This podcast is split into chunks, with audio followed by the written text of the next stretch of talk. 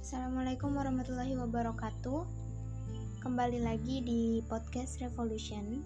Kali ini saya akan menjelaskan tentang sebuah film yang berjudul Ananta.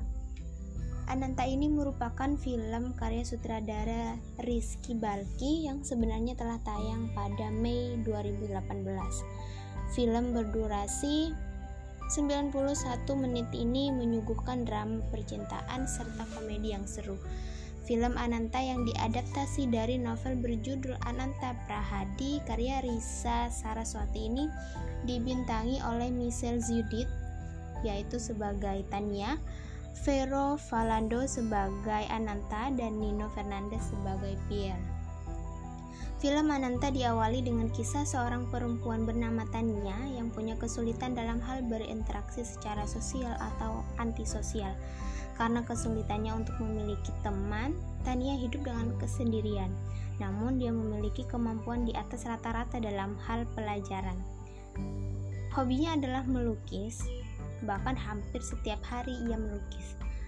Karena sifatnya yang antisosial, baik di rumah maupun di sekolah, dia tidak mempunyai teman dan tidak mau bergaul dengan orang-orang lain.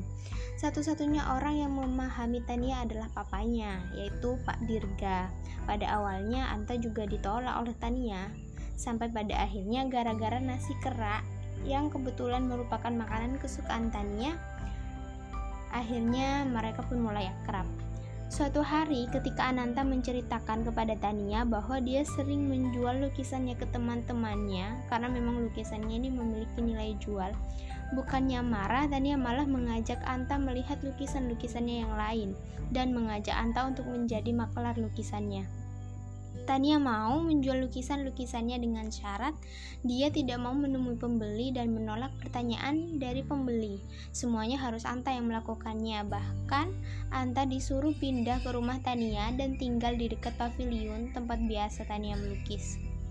Semenjak melakukan perjanjian bisnis dengan Anta, Anta memahami keseharian Tania. Bersama Anta, Tania mulai membuka diri sampai suatu hari. Selama sehari semalam, Anta menghilang dari rumah Tania. Saat itu Tania merasa kehilangan Anta karena bagi Tania, selain papanya, hanya Anta yang mengerti Tania. Padahal sebenarnya, Anta menemui pemilik galeri lukisan bernama Pierre saat itu. Kehadiran Pierre juga menambah perubahan dalam diri Tania. Tania merasa nyaman bersama Pierre karena merasa punya hobi dan pemikiran yang sama. Walaupun Tania merasa mulai jatuh hati pada Pierre, namun bersama Pierre, Tania hanya merasakan kehampaan. Bersama Pierre, Tania justru semakin merasa sendirian. Bahkan pada saat bersama Pierre, Tania justru mengingat Anta. Dan hanya Antalah yang bisa mengisi kehidupan Tania. Sesampainya di rumah, setelah pergi bersama Pierre, Tania menemukan Anta bersama dengan seorang perempuan yang waktu itu diakuinya sebagai calon istrinya Anta. Pada saat itu, Tania marah besar. Tania merasa kecewa dan mengusir Anta dari rumahnya saat itu juga. Sejak kepergian Anta, Tania mulai terpuruk, namun mamanya mulai menghiburnya. Perlahan, Tania mulai melupakan Anta belajar menerima Pierre dan merencanakan pernikahan dengan Pierre. Tania punya permintaan sebelum menikah, Tania meminta Pierre menemaninya ke rumah kecil yang menjadi ikon di setiap lukisannya, yaitu pondok kecil di mana dulunya merupakan tempat peristirahatan papanya di sela-sela pekerjaannya. Saat di pondok kecil itu, wanita yang dulunya disebut sebagai calon istri Anta mengantar surat titipan Anta kepada Tania. Di surat itu, Anta menceritakan bahwa Anta adalah anak kampung yang rumahnya tidak jauh dari pondok peristirahatan papanya Tania. Ananta diminta menjaga pondok itu dan menemani papanya Tania setiap kali beristirahat di sana ada suatu kejadian di mana papanya Tania ingin menolong karyawannya, namun karena jalan yang licin, papanya Tania dan Anta mengalami kecelakaan yang mengakibatkan Pak Dirga atau papanya Tania ini meninggal. Sebelum Pak Dirga meninggal, ia sempat meminta Anta untuk berjanji untuk menjaga Tania. Sejak saat itu, Anta mulai mencari Tania dan masuk ke sekolah Tania. Belajar memahami apa pun yang disukai Tania termasuk cara membuat nasi kerak tadi. Sampai pada suatu hari ketika Anta mengetahui bahwa ada pembukuan di otak Anta karena kecelakaan bersama bapaknya dulu, sejak saat itu Anta mulai mempersiapkan segala hal takut-takut jika benar-benar harus meninggalkan Tania.